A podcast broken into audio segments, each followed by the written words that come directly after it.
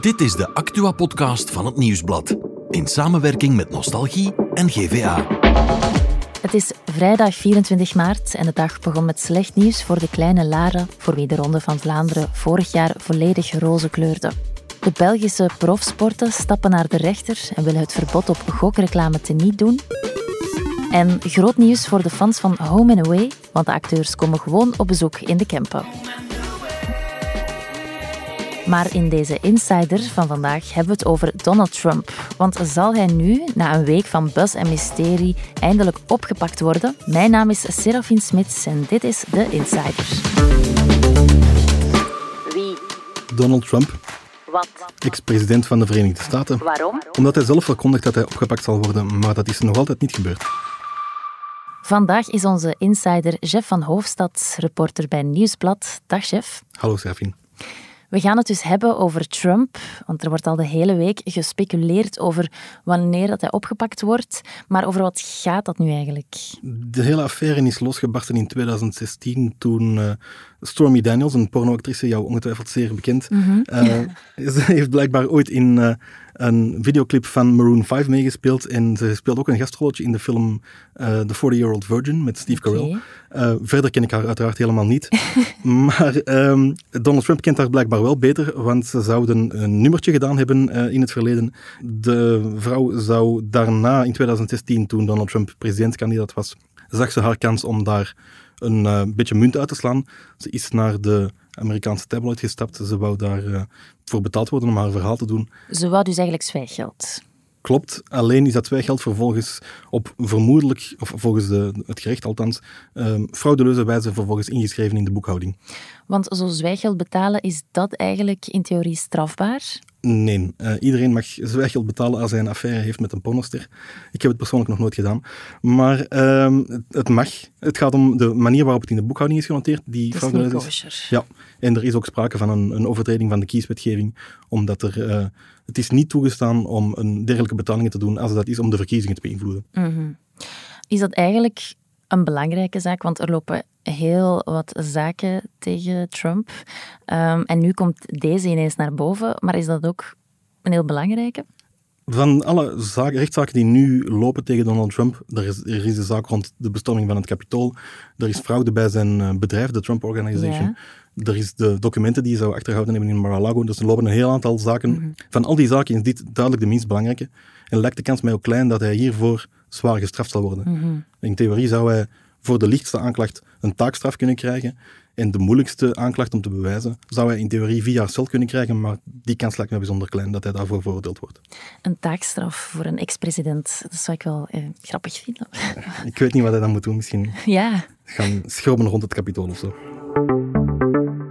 These four horrible, radical left Democrat investigations of your all time favorite president, me, is just a continuation of the most disgusting witch hunt in the history of our country. Whether it's the Mar a Lago raid or the Unselect Committee hoax, the perfect Georgia phone call, it was absolutely perfect, or the Stormy Horseface Daniels extortion plot, they're all sick and it's fake news. I'm just standing in their way, and I always will stand in their way. Thank you very much. We hoorden net een fragment van afgelopen weekend. Ehm, dat is een beetje een speciale timing, want eigenlijk was er totaal nog niks over die zaak verschenen. Waarom, waarom komt hij zelf met dat nieuws naar buiten? Ja, hij is blijkbaar op de hoogte omdat de Secret Service ehm, aan het onderhandelen was met de openbare aanklager over hoe hij zou moeten komen getuigen. Hij komt daarmee naar buiten volgens mij om, om twee redenen. Ten eerste omdat hij misschien alsnog probeert om het gerecht te beïnvloeden, om hem schrik aan te jagen om niet te vervolgen, door te zeggen, ja, we gaan hier, Ja. net zoals bij het Capitool, gigantisch veel boel maken, dus je kunt mij maar beter niet vervolgen. Dat is optie één. En zoals bij Donald Trump eh, ongeveer alles het geval is, is dit om, om de kiezers te beïnvloeden, om te proberen om, om mensen achter hem te krijgen en om, eh, ja, om zich in een slachtofferrol te wentelen. Ja, want hij is er echt wel een beetje op uit om, die, om een foto te hebben waarin hij gehandboeid naar het gerechtsgebouw wordt gebracht. Ja, dat is normaal Ja. de traditie in Amerikaanse televisiereeksen, dat een, een crimineel in handboeien voorbij de fotograaf geleid wordt. Ehm, het is de openbare aanklager die daarover beslist, voor alle duidelijkheid. Dus de kans is klein, lijkt mij, dat het ook effectief zo zal gebeuren. Maar blijkbaar zit hij zich in Mar-a-Lago wel al te verkneukelen op dat scenario. Hij zou dat graag willen. Waarom zou hij dat willen? Want ik, dat zou mij net afschrikken als kiezer. Klopt, maar het politieke milieu in de Verenigde Staten is nu eenmaal momenteel erg gepolitiseerd of erg gepolariseerd. En dus zijn er een heel aantal kiezers, um, extreemrechtse kiezers, die zich daar heel weinig van aantrekken van de affaires die Donald Trump allemaal volgens hen zou, want zij, zij geloven er natuurlijk heel weinig van, mm -hmm. zou gedaan hebben. En zij kiezen ervoor om, om, te geloven dat hij zich in een slachtofferrol wentelt, dat de mainstream media tegen hem zijn, dat het gerecht tegen hem is, dat Joe Biden tegen hem is, dat de hele Amerikaanse staat, de deep state, tegen hem is. Mm Heel veel uh, theater. Um... Zoals bij Donald Trump mm -hmm. al vaker het geval is. Ja, hij is nog niet opgepakt, maar we hebben er toch al beelden van kunnen zien afgelopen week leuke beelden om eens te bekijken, vond ik. Um, dat zijn fake foto's die uh, gemaakt werden met uh, artificiële intelligentie. Uh, maar van waar kwamen die, die foto's? Ik denk niet dat het van mensen op de, de rechterzijde van het politieke spectrum komt. Mhm. Eerder dat er mensen ter linkerzijde zijn, de democraten en uh, extreem, mensen die nog extreem linkser zijn, die zich nu al verkneukelen in uh, Donald Trump, die door politieagenten uh, tegen de grond gewerkt wordt, hopelijk met een knie in de rug. Mensen die eigenlijk al jarenlang vinden dat Donald Trump vervolgd zou moeten worden, maar ja, als dat niet gebeurt, zij zitten er al lang op te wachten. Dus het is nu al een beetje voorpret. Mm Voor alle duidelijkheid, ik denk niet dat er iemand echt gelooft dat die, dat die foto's echt zijn. Uh, um, mm Ik denk dat er anders wel, wel veel meer van al van gehoord en gezien zouden hebben. In order to make America great and glorious again, I am tonight announcing my candidacy for President of the United States. Ja, Trump die wil uh, volgend jaar weer presidentskandidaat zijn. Um, maar als hij nu toch vervolgd wordt, moet hij daar dan geen schrik voor hebben? Het zal een politiek natuurlijk wel een probleem kunnen opleveren.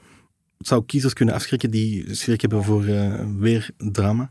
Anderzijds is er formeel niks dat hem tegenhoudt. De grondwet heeft een aantal bepalingen voor uh, wie mm -hmm. president kan worden, maar daar staat niks in over een blanco strafblad. Dus hij zou perfect uh, presidentskandidaat kunnen zijn, wettelijk, terwijl hij vervolgd wordt. En hij zou president kunnen worden als hij veroordeeld wordt. Hij zou zelfs in theorie vanuit de gevangenis uh, president vanuit kunnen zijn. Vanuit de gevangenis. Maar je zegt in theorie, want in praktijk lijkt me dat wel moeilijk haalbaar. Ja, het is natuurlijk maar de vraag of kiezers in de Verenigde Staten opnieuw het risico willen lopen om een president te hebben als Donald Trump die vanuit de gevangenis uh, regeert. Ik denk niet dat dat heel realistisch is. Maar uh, in de Verenigde Staten weet je natuurlijk nooit. Alles kan.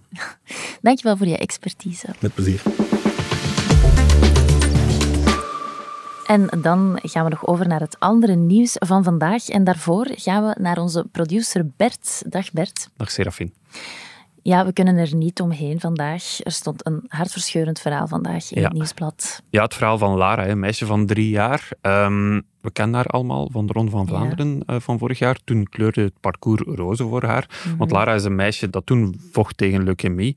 Um, ze leek er eigenlijk bovenop gekomen te zijn, maar nu heeft ze zeer slecht nieuws gekregen. Uh, de kankercellen zijn terug. En er wachtte haar weer een heel zware strijd.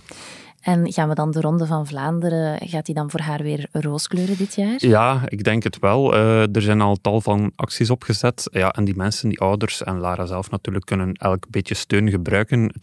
Dus ja, bij deze een oproep aan iedereen die naar uh, de Ronde gaat kijken. Doe iets roze aan en doe er iets goed mee. Ja, dan gaan we zeker duimen voor haar. Um, Vandaag was er ook nog nieuws rond het verbod op de gokreclame. Ja, Wat was het nieuws? Klopt. Minister van Justitie, Vincent eh, van Quickenborne, die had een aantal maanden geleden gezegd kijk, ik wil een verbod op gokreclame. Heeft daar ja. een koninklijk uh, besluit voor laten stemmen. Waar wil hij dat verbod? Vooral in de sportsector. Mm -hmm. Omdat hij op die manier ja, verslaving wil tegengaan natuurlijk. Nu, de gevolgen van dat verbod zijn heel groot voor, voor clubs. Uh, bijvoorbeeld Club Brugge wordt gesponsord door Unibet. Mm -hmm. ja, die verliezen op die manier heel veel geld. En ja. nu gaan heel wat profsporten allemaal samen naar de rechter om te zeggen van kijk, wij willen dat verbod niet. Wij ja. willen vooral onze inkomsten. Wanneer zal dat verbod ingaan? Ja, dat verbod gaat normaal gezien in op 1 juli. Um, ja, die, die clubs gaan nu naar uh, de rechter. Uh, de minister zegt van kijk, het verbod zal er zijn. Uh, daar kan je niks meer tegen doen. Vanaf 1 juli wordt die goksector aan banden gelegd. Um, dus ja, dat is even afwachten of dat effectief zal doorgaan, dan wel of dat de klacht bij de rechter iets zal uithalen. Oké. Okay. En uh, dan gaan we nog eventjes naar de regio. Is er daar nog nieuws? Daar is altijd nieuws. En nu is er uh, goed nieuws uh, voor de fans van Home and Away. Voor mijn vrouw bijvoorbeeld, die elke dag nog altijd kijkt. Je kent Home and Away.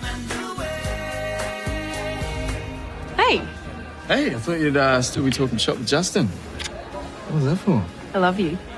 Too. Super populaire soap uit Australië. Um, maar die loopt nog altijd. Die loopt nog altijd. Die loopt echt al tientallen jaren. Maar nog ja. altijd met nieuwe afleveringen. Ja, ja, ja, ja, ja, En ja, die sterren van Home and Away die zijn niet alleen populair in Australië, maar ook over de hele wereld. En nu zijn ze uitgenodigd in Westerlo Mhm. door ene Sophie Straatmans de Klerk, Ja. een superfan van Home and Away. En ze heeft bevestiging gekregen. eh Dean en Ziggy, die komen naar de camper. Dus die komen op bezoek bij haar. Die komen gewoon op bezoek in Westerlo. Ja. Leuk voor Sophie.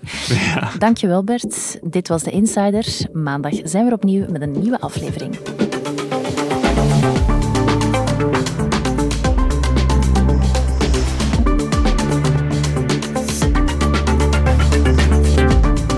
Dit was The Insider, een podcast van het Nieuwsblad in samenwerking met Nostalgie en GVA. De muziek is van Pieter Santens.